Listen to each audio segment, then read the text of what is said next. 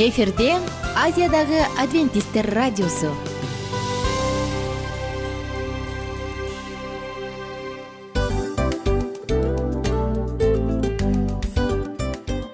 Достор салют. Баардык сүйүктүү угармандарыбызга салам айтабыз. Кутман күнүңүздөр менен. Ден соолук өмүрдүн булагы демекчи саламат саамы программасында баарыңыздарды көргөнүбүзгө абдан кубанычтабыз. Анда алгач амандашып өтөлү арбаңыздар деп. Ден соолугуңуздар кандай элибизде көбүнчө ден соолук кандай дегенде эле жакшы деп жооп беребиз э? ооруп турсак дагы жакшы дейбиз. Анан мен муну айтып ойлойт элем бул абдан сонун сөз депчи анткени бул жакшы деген үмүт да ооба. баары жакшы болот. Баары сонун. Деп үмүттөнүп атып эле өзүбүздү өзүбүз дарылап коебуз. Анысы кандай сиздин дагы ден соолугуңуз жакшы беш деген үмүттөбүз чындыгында ден соолук бул өмүрдүн булагы деп бекеринен айтылган эмес деп ойлойм. Кыргыз элинде анткени эгерде ден соолук жок болсо анда адамдын жашоосунда калган баардык керектүү маңыздуу нерселер өзүнүн баалуулугун жоготуп коет. Ошондуктан ден соолук бул эң керектүү нерсе. Ооба туура айтасың кесиптешим. Чынында ден соолугуң жок бир эки үч күн ооруп калсаң эле э кандай болуп калат? Жашоодо көз каранды болуп каласың көп нерсеге жетишпей каласың көп нерсени кыла албай каласың жада калса эшикке дүкөнгө да чыга албай каласың. Туптуура анан ден соолук болсо демек биз биздин бактыбыз тотой деп койсок болот.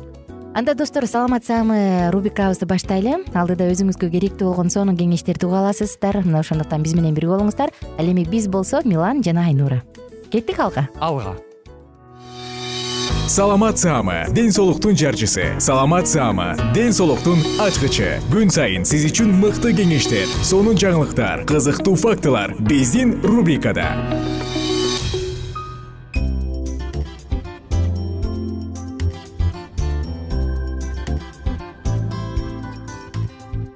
саламатсыздарбы достор? Жалпыңыздар менен амандашып биз саатыбызды улантабыз. Бишкек шаарынын мамлекеттик санитардык эпидемиология көзөмөлдөө борборунун дарыгери эпидемиологу казиев балгарт казиевич бизде конокто. Жана арча бешикте он экинчи зцмде эмгек өтөгөн педиатр эжекебиз ашыралиева зулайка токтоналиевна.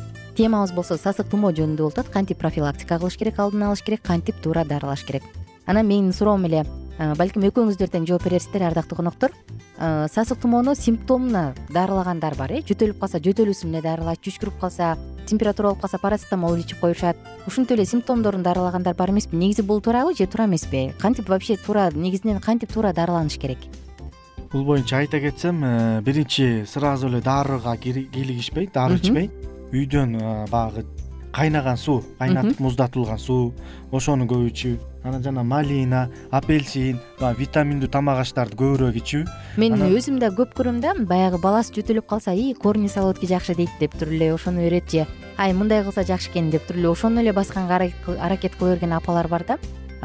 Симптомуна дарылаган туурабы же туура эмеспи симптомдоруна дарылап уже азыр айттым го ошолорду баягы биринчи ошолорду берип көрүш керек. Тамак баягы иммунитет слабыйлаганда бул оору күчөйт деп атпаймынбы иммунитетти көтөрүш үчүн витаминдүү азык заттарды көбүрөөк жеш керек. Буга эмнелер кетет буга малина апельсин баягы витаминдүү азык заттарды көбүрөөк колдонуп кайнатылган кайра муздатылган сууларды көбүрөөк ичүү андан тышкары эле тамакты суюктукту көбүрөөк ичип баягы суюк кургак эмес суюк тамактарды көбүрөөк ичүү. Ошондой эле баягы үйдөн э, жылуулап баягы шейшептерди постельный белье деп коебуз шейшептерди таза жууп баягы полотенце сүргү деп коет. Ошол сүргүнү өзүнчө колдонуш керек. Дароо өзүнчө колдонуш керек. Адам ооруп атса сразу сүргүсүн өзүнчө колдонуш керек жана идиш аяктарын өзүнчө колдонсо болот. Даже чогуу отуруп ичпей өзүнчө ичсе болот. Себеп дегенде а аркылуу идиш аяк аркылуу дагы бул жугат. Полотенце баягы постельный эме боюнча чүчкүрдүн болду. кетти. Э жукту вакцинация кете баштайт.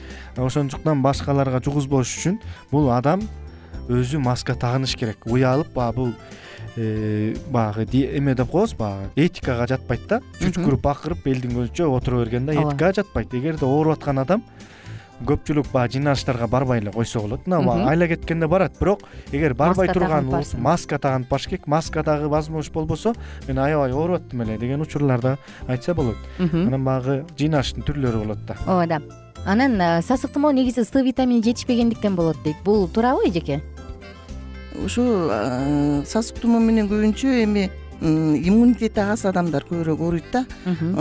Ошондуктан биз эки жылдан бери э, ушул сасык тумоого каршы биз э, вакцинация жасап келдик да балдарга. Э, чоң кишилерге это гриппол анан бул дагы көп жардам берди да ушу оорунун алдын алганга.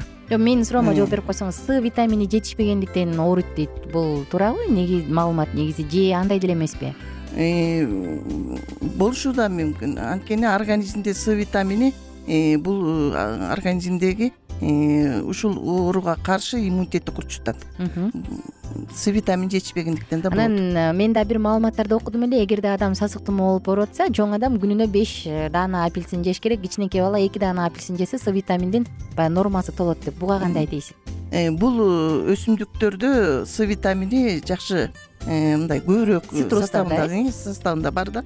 Ошондуктан бир эле цитрусовый ушу апельсиндерде эмес гриппке каршы жанагы жашылчалардын ичинен эң көбүрөөгү пиязда да көбүрөөк чеснокто. Э, ушул убактарды ошондой чеснокту пиязды э, көбүрөөк колдонуп жада калса столдун үстүнө пиязды туурап туруп тарелкаларга. Коюп койсо дагы бул абадагы э, вирустарды мындай курчутпай кармап турат да ушунун жактары дагы бар. Мен бир уктуруубузда сизден сурап өткөм табигый азыктар менен деп ушул жоопту күткөм да мен. Чеснок имбирь бал ушундай лимон менен көбүнчө сактанышат эмеспи ушулар чын эле жардам береби ушуну уккум келген сизден. Жардам берет. Бул айрыкча ушу пияз менен чесноктун жанагы жана цитрусовый лимон Э, лимон дагы абдан жакшы бул гриппке каршы абдан жакшы туруштук берет организмге иммунитет апалар кандай кылат билбейм бирок мен эгерде кичинекей балам сыркойлой баштаса мен чесноктон шуру жасап туруп анан мойнуна илип коем да анан ар бир бөлмөгө эки үч даанадан пияздарды коюп коем ачып турупчу негизи бул жардам береби алардан чыккан ошо фитонцид заттар жардам береби? Жардам берет. Эң негизгиси э, ушул эле өсүмдүктөргө карабай э, комнатанын ушу оору турган комнатанын ичи дайыма проветривание болуп аба желдеп туруш керек анан влажный уборка болуп туруш керек нымдалган тряпка менен э, үйдөгү чаңдарды сүрүп туруш керек да. Эң дагы бир жакшы пайдасы. Эми педиатр катары мүмкүн апаларга кеңеш бере кетесиз ошо бала иммунитети түшүп кетпеш үчүн баланын иммунитетин кантип көтөрсө болот? Эмне кылыш керек ал үчүн? Апалар эмне кыла алышат? Эми эгерде ушу медициналык түр менен айтканда апаларга биздин азыр медициналык көп препараттар бар. Э, иммунитеттерди көтөргөнчү. Анан эми азыркы замандын э, негизинде кимде кандай финансылык мүмкүнчүлүк болгондуктан анан кийин ушу биз өзүбүздүн ушу иммунитет көтөрө турган препараттарды назначить этебиз. Бирок ушу финансылык жагына да карап анан көбүнчө биз ушу тамак аш менен Э, жанагындай витаминдүү тамак аш менен жана жашылча жемиштер менен мындай иммунитетти көтөргөнгө дагы көбүрөөк советибизди беребиз да. Демек э, эгерде иммунитетти көтөрүш керек болсо анда көбүрөөк жер жемиш жашылча жемиштерди жегиле деп э? жемиштерди жегиле деп жакшы мүмкүн сиздерде бир сунуш болор ушул учурда үй бүлөлүк дарыгерлерге моундай балдарга көбүрөөк жазгыла же моундай витаминдерди бергиле деген сунуштар болобу же сиздер андай сунуш кыла албайсыздарбы? Андай кыла албайсыздар э достор жакшы. Анда биз кийинки уктуруубузда ушуну менен бир уктуруудан кийин биз темабызды жабабыз. Биз менен бирге болуңуздар. Менин аты жөнүм айнура миназарова. Болуп жаткан темабыз сасык тумоо профилактика жана аны туура дарылоо.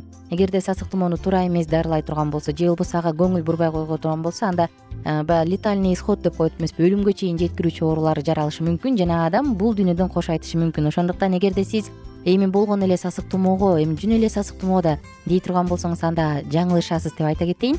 Себеби дегенде чындыгында оорунун коркунучтуу жактары көп. Алдыңкы уктурууларда бул циклды толугу менен жыйынтыктап дагы да болсо кошумчаларды айтып өтмөкчүбүз ошондуктан биз менен бирге болуңуздар. Саламат саама ден соолуктун жарчысы. Саламат саама ден соолуктун ачкычы. Күн сайын сиз үчүн мыкты кеңештер сонун жаңылыктар кызыктуу фактылар. Биздин рубрикада салют замандаштар баарыңыздарга ысык салам. Дил маек программабызга кош келиңиздер. Дил маек рубрикасы дегенде эле бул эмне болгон дил маек ким менен маектешебиз деп сурайт болуш керек угармандарыбыз бул рубриканы кыскача тааныштыра кете турган болсок ар тарап кесип ээлеринен болгон сонун интервью кеңештер бар. Ооба жылдыздар менен болгон маек бар.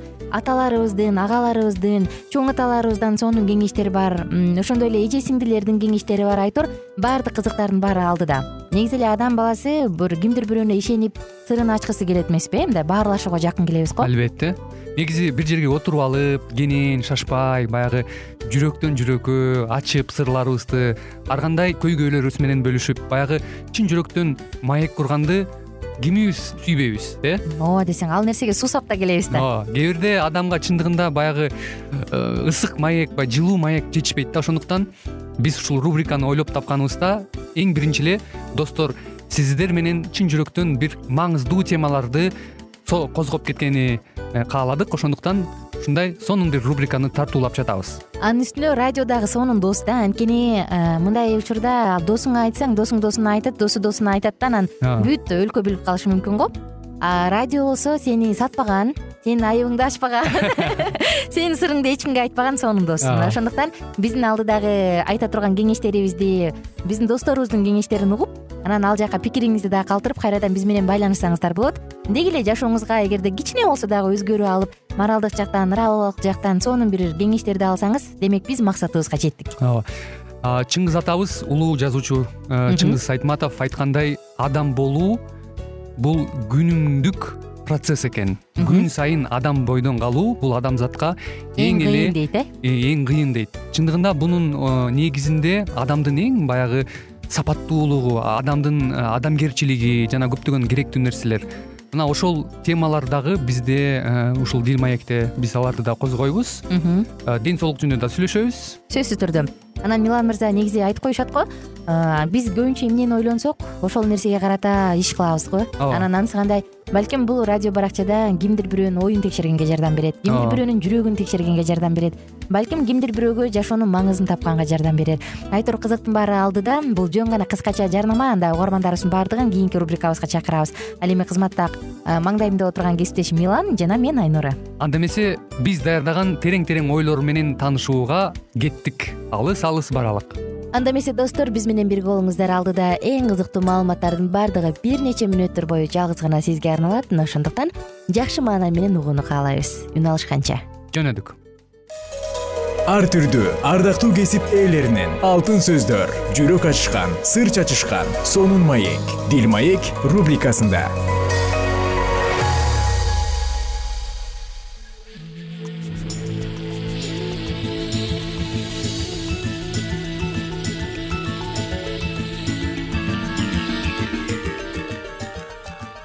саламатсыздарбы урматтуу радио угуучуларыбыз кайрадан эле сиздердин назарыңыздарда бактылуу никенин баалуу эрежелери аттуу берүүбүздү баштамакчыбыз. Бүгүнкү программабыздын чыгарылышында үй бүлө жаатына багытталган темабызды кайрадан эле уланта бермекчибиз. Э, тактап айтсак балдарды кантип тарбиялоо керек? Дал ушул туурасында бир нече кеңештерибиз менен бөлүшүп өтмөкчүбүз.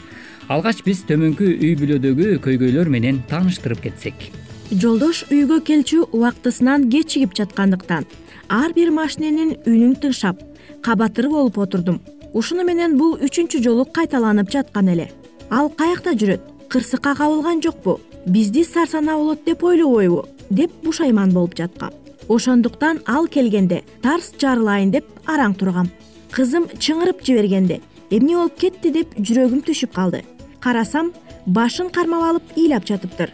Төрт жашар балам аны катуу чаап ийиптир дейт айша. Алты жашар кызыбыз көзүн бажырайтып эч нерсе кылбагандай түр шакекти уурдаган жокмун таап алдым деди.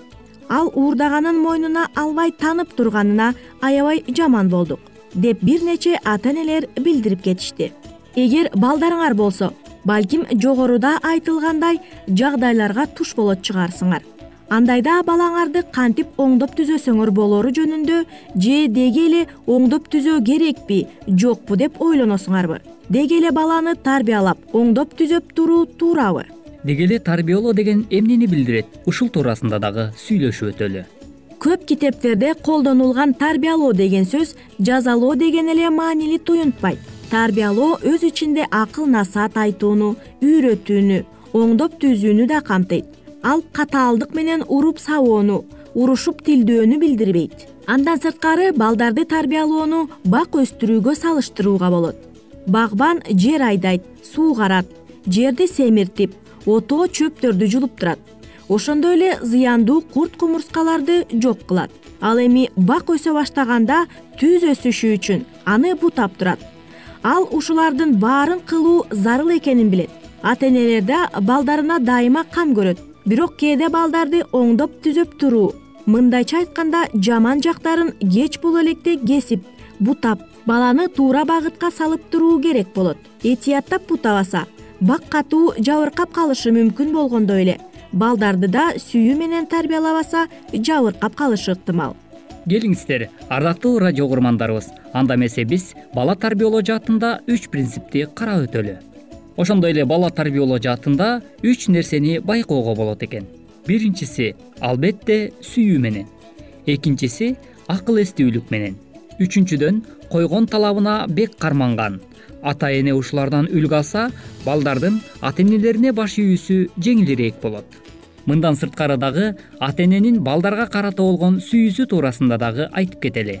Ата эненин тарбиясы сүйүүгө негизделет жана ал кимдир бирөөнү сүйгөндүктөн тарбиялайт. Атасы жакшы көргөн уулун оңдоп түзөгөндөй эле. Ата кимди жакшы көрсө ошону оңдоп түзөйт.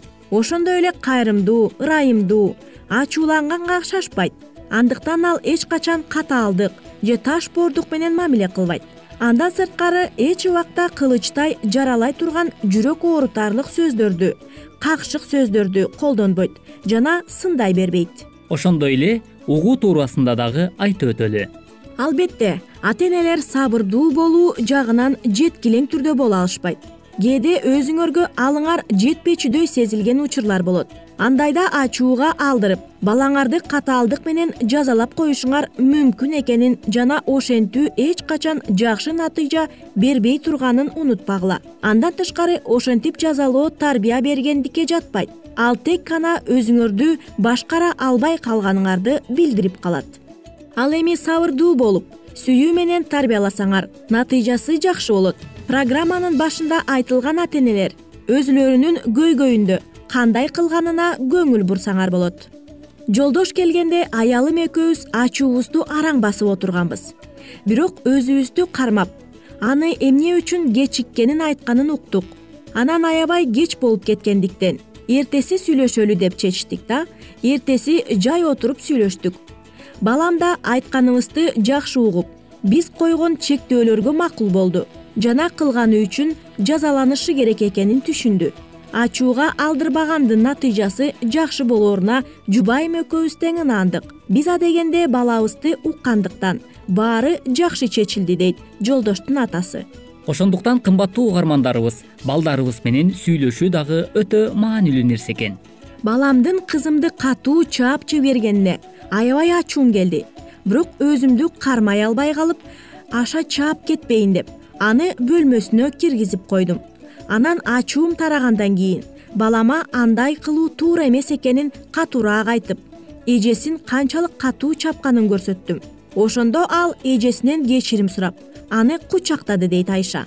Ооба туура тарбия атүгүл өз ичинде оңдоп түзөөнү камтыган күндө да сүйүүдөн улам берилет. Мындан сырткары дагы урматтуу угармандарыбыз балдарыбызды акыл эстүүлүк менен тарбиялоо абдан маанилүү болуп саналат экен оңдоп түзөөдө дайыма чени менен жазалоо шарт. Баарына түгүл анча айкын болбогон нерселерди да эске алат. Канткенде ата энелер да ошондой иш кыла алышат. Программабыздын башында айтылган эне мындай дейт. Кызыбыздын шакекти урдап алганын таанып туруп алганына капа болсок да анын жашын көп нерсени түшүнө элек экенин эске алдык.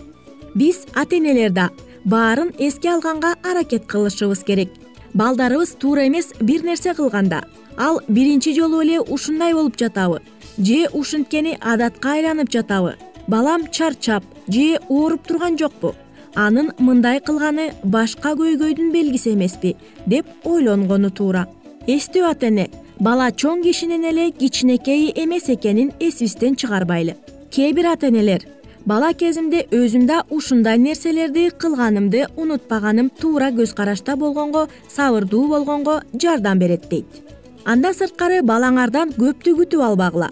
Ошол эле учурда ал туура эмес кылса же туура эмес көз карашта болсо аны актап же андай нерселерге көз жумуп койбогула. Балаңардын эмнени кыла алаарын эмнени кыла албастыгын жана башка нерселерди эске алсаңар чектен чыгып кетпейсиңер жана акыл эстүүлүк менен тарбия бере аласыңар. Кымбаттуу радио каармандарыбыз ушуну менен бизге бөлүнгөн убактыбыз дагы өз соңуна келип жетти. Кайрадан эле биз сиздер менен бактылуу никенин баалуу эрежелери аттуу берүүбүздөн кезишкенче сак саламатта болуңуз. Ар түрдүү ардактуу кесип ээлеринен алтын сөздөр жүрөк ачышкан сыр чачышкан сонун маек дил маек рубрикасында жан дүйнөңдү байыткан жүрөгүңдү азыктанткан жашооңо маңыз тартуулаган жан азык рубрикасы.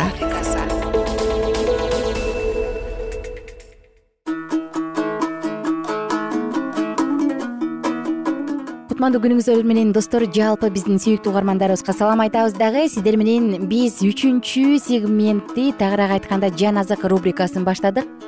Эмесе бүгүн забур китебин бирге улантабыз. Биз менен бирге болуңуздар отуз сегизинчи забур. Ырчылар тобунун башчысы жедутунга дөөттүн забуру. Тилим менен күнөөгө батпаш үчүн өз жолдорумду байкап жүрөйүн. Кудайсыз жанымда турганда оозумду оздуктайын дедим. Мен дүлөй да дудук да болдум жакшылык жөнүндө да ооз ачпас болдум. Азабым артты. Көөдөнүмдө жүрөгүм жалындап оюмда от чыкты тилим ошондо сүйлөй баштады. Айтчы теңирим мен качан өлөм? Канча күнүм калды? Канча күнүм калганын канча жашарымды билейин? Сен мага бир сөөм өмүр бердиң. Менин өмүрүм сенин алдыңда эч нерсе эмес. Чын эле ар бир адамдын жашоосу курулай убаракерчилик экен. Чын эле адам элес сыяктуу жүрөт бекер түйшүк тартат дүнүйө жыйнайт анысы кимге каларын билбейт. Мен эми эмнени күтмөк элем теңир? Менин үмүтүм бир өзүңдө мени мыйзамсыз иштеримдин баарынан куткар мени акылсыздарга кордотпо. Мен дудук болуп калдым. Ооз ачпайм. Анткени сен ушундай кылдың. Соккуларыңды токтот. Сенин колуңдун соккусунан мен жок болуп бара жатам. Сен адамды күнөөсү үчүн жазалап башына кыйынчылык саласың. Анын көркү күбө жегенде күбүлөт. Ар бир адамдын жашоосу курулай убаракерчилик менин сыйынуумду ук теңир. Менин ыйыма кулак сал менин көз жашымды көрүп унчукпай койбо. Анткени мен сенин жолоочуңмун. Өзүмдүн ата бабаларымдай эле келгинмин мени кыйнава көзүм жумулуп дүйнөдөн өткүчө күчкө толуп алайын. Отуз тогузунчу забур. Ырчылар тобунун башчысына дөөттүн забуру. Мен теңирге бекем ишенгем. Ошондуктан ал мага назар салып менин зар муңумду укту мени туңгуюктан сормосаздан чыгарып буттарымды ташка коюп кадамымды бекемдеди. Кудайыбызды мактаган жаңы ырды оозума салды. Көп адамдар көрүп коркуп калышат ошондо теңирге таянышат. Теңирди таяныч кылган жана текебирлерге жалганчыларга кайрылбаган адам бактылуу.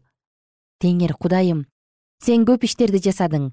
Сенин бизге көрсөткөн кереметтериңди биз жөнүндөгү ниеттериңди ким айтып бүтө алат сага ким тең келе алат? Мен мунун баарын жар салып айтар элем бирок аларга сан жетпейт. Курмандык менен таттууларды сен каалаган жоксуң бирок сен менин кулагымды ачтың. Бүтүндөй өрттөлүүчү курмандык менен күнөө үчүн чалынуучу курмандыкты талап кылган жоксуң. Ошондо мен мына мен бара жатам. Түрмөк китепте мен жөнүндө жазылган. Мен сенин эркиңди аткаргым келет кудайым. Сенин мыйзамың менин жүрөгүмдө деп айттым мен сенин адилеттигиңди улуу жыйында жарыя кылдым. Оозумду тындырган жокмун муну сен билесиң теңир. Сенин адилеттигиңди жүрөгүмө катып алган жокмун. Сенин ишенимдүүлүгүңдү жана куткаруу ишиңди жарыя кылдым. Сенин ырайымың менен чындыгыңды улуу жыйындын алдында жашырбадым. Сен теңир менден ырайымыңды аяба сенин ырайымың менен чындыгың мени дайыма коргоп жүрсүн анткени мени сансыз кайгы курчап алды. Мыйзамсыз иштерим өз башыма тийди. Ошондуктан эч нерсени көрө албай жатам. Алар башымдагы чачымдан да көп. Менин кайрат күчүм кетти. Ырайым кылып мени куткарып ал теңир. Мага жардамга шашыл теңир. Мени өлтүргүсү келгендердин бардыгы уятка калышсын шылдың болушсун мага жамандык каалагандар артка кайтышсын күлкү болушсун ии ии деп табалагандар өздөрүнүн шылдың болуп калганына үрөйлөрү учсун. Сени издегендердин баары кубанышсын сени менен шаттанышсын сенин куткаруу иштериңди сүйгөндөр теңир улуу деп тынбай жар салышсын мен болсо жардымын жакырмын. Теңир мен үчүн кам көрөгөр. Менин жардам берүүчүм да куткаруучум да сенсиң кудайым. Кечикпе забур кыркынчы ырчылар тобунун башчысына дөөттүн забуру. Бейбачараны ойлогон адам бактылуу. Кыйынчылык күнү аны теңир куткарат. Теңир аны коргоп өмүрүн сактап калат. Жер үстүндө ал бактылуу болот. Теңир сен аны душманыңдын колуна салып бербейсиң. Ал ооруп жатканда теңир ага күч берет. Сен аны төшөгүнөн тургузасың дартынан арылтасың. Теңир мага ырайым кыл жанымды сакайт анткени мен сенин алдыңда күнөө кылдым дедим. Душмандарым мен жөнүндө ал качан өлөт анын ысымы качан өчөт деген жаман сөздөрдү айтышат. Мени көргөнү келген адам жалган сүйлөйт жүрөгүнөн жалганды ойлоп чыгарат дагы сыртка чыгаары менен элге жаят. Мени жек көргөндөрдүн бардыгы мага каршы чыгып өз ара шыбырашып мага жамандык ойлошот. Алайык бастартка чалдыкты ал жыгылды эми турбайт атүгүл мени менен тынчтыкта болгон мен ишенип жүргөн менин нанымды жеген адам мага согончогун көтөрдү. Сен болсо теңир мага ырайым кыл мени тургуз мен алардын жазасын берем. Эгерде душманым мага үстөмдүк кыла албаса ошондон сенин мага ырайымың кылганыңды билем. Мени болсо аман сактап өзүңдүн алдыңа түбөлүк тургузасың. Теңир ысрайыл кудайы кылымдан кылымга даңкталсын омин омин. Кадырман замандаш бүгүнкү уктуруубузда сиздер менен бирге забур китебинен отуз тогузунчу кыркынчы баптарды бирге окуп өттүк. Жана эмне демекчибиз? Забур ар бир адамдын жашоосунда дагы ыр болуп калышы мүмкүн. Мүмкүн сиздин жан дүйнөңүз дагы жаратканга дал ушундай ойлор менен дал ушундай сөздөр менен жалынып жаткан чыгар айтор кандай гана болбосун жаратканыбыз сизди дайыма баардык жерде күчтүү колдору менен коргосун деген гана тилектерди айтмакчымын. Жана сиздер менен биз уктуруубузду жыйынтыктайбыз. Кийинки уктуруубузда бул сонун китепти бирге улантабыз. Жашооңузга таасир тийгизет деп бекер ишенем бекем ишенем. Мына ошондуктан менин ишенимим макталарына дагы билем. Ишенем анткени бул жараткандын сөздөрү жаратканга даңкталган арналган ырлар кайрадан сиздер менен кийинки уктуруулардан амандашканча сак саламатта туруңуздар. Күнүңүздөр көңүлдүү улансын.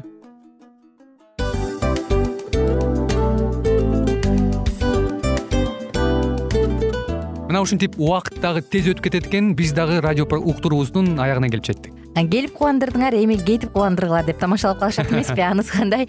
Радио баракчабызды программабызды азыр эле баштап аткандай болдук элек мына соңуна келдик э? Негизи убакыт э, билинбей өтүп кетет экен мен дагы убакыт дегенде бүгүн бир адам менен сүйлөшүп калдым. Анан убакыт бул мүмкүнчүлүк деп айтып өзүмө өзүм айтып алып анан мага өзүмө эле кайра ачылыш болду да чын эле. Э Э, карап отурсаң ошол эле жыйырма төрт саат ошол эле жарым саат кайталанып атат бирок сендеги мүмкүнчүлүк жок ошол кой берилип кетти? Анысы кандай? Бүгүнкү сонун убактыңызды алтындай болгон жарым саатыңызды бизге бөлүп арнаганыңыз үчүн ыраазычылык айтабыз анан жашооңуздун кайсы бир сферасын өзгөртө турган сонун пайдалуу кеңеш алган болсоңуз анда биз максатыбызга жеттик. Анан ушул нерсени кылбасам десеңиз ошол өзгөрүүлөрдү кичинекей кадамдардан баштап иш жүзүнө ашырыңыз дагы жашооңузда чоң чоң ийгиликтерге жетиңиздер. Чын жүрөктөн ар бир берилген кеңештер сөздөр сиздерге пайдасын алып келет деп ишенебиз жана кийинки уктурууларда сөзсүз түрдө чыдамсыздык менен сиздерди күтөбүз сагынычтуу салам айтып кайрадан дал ушул жыштыктан баардыгыңыздарды тосуп алганча кызматта мен айнура жана кесиптешим милан анда кол пулга алайбыз жалпыңыздарга ийгиликтүү күн. Саламатта калыңыздар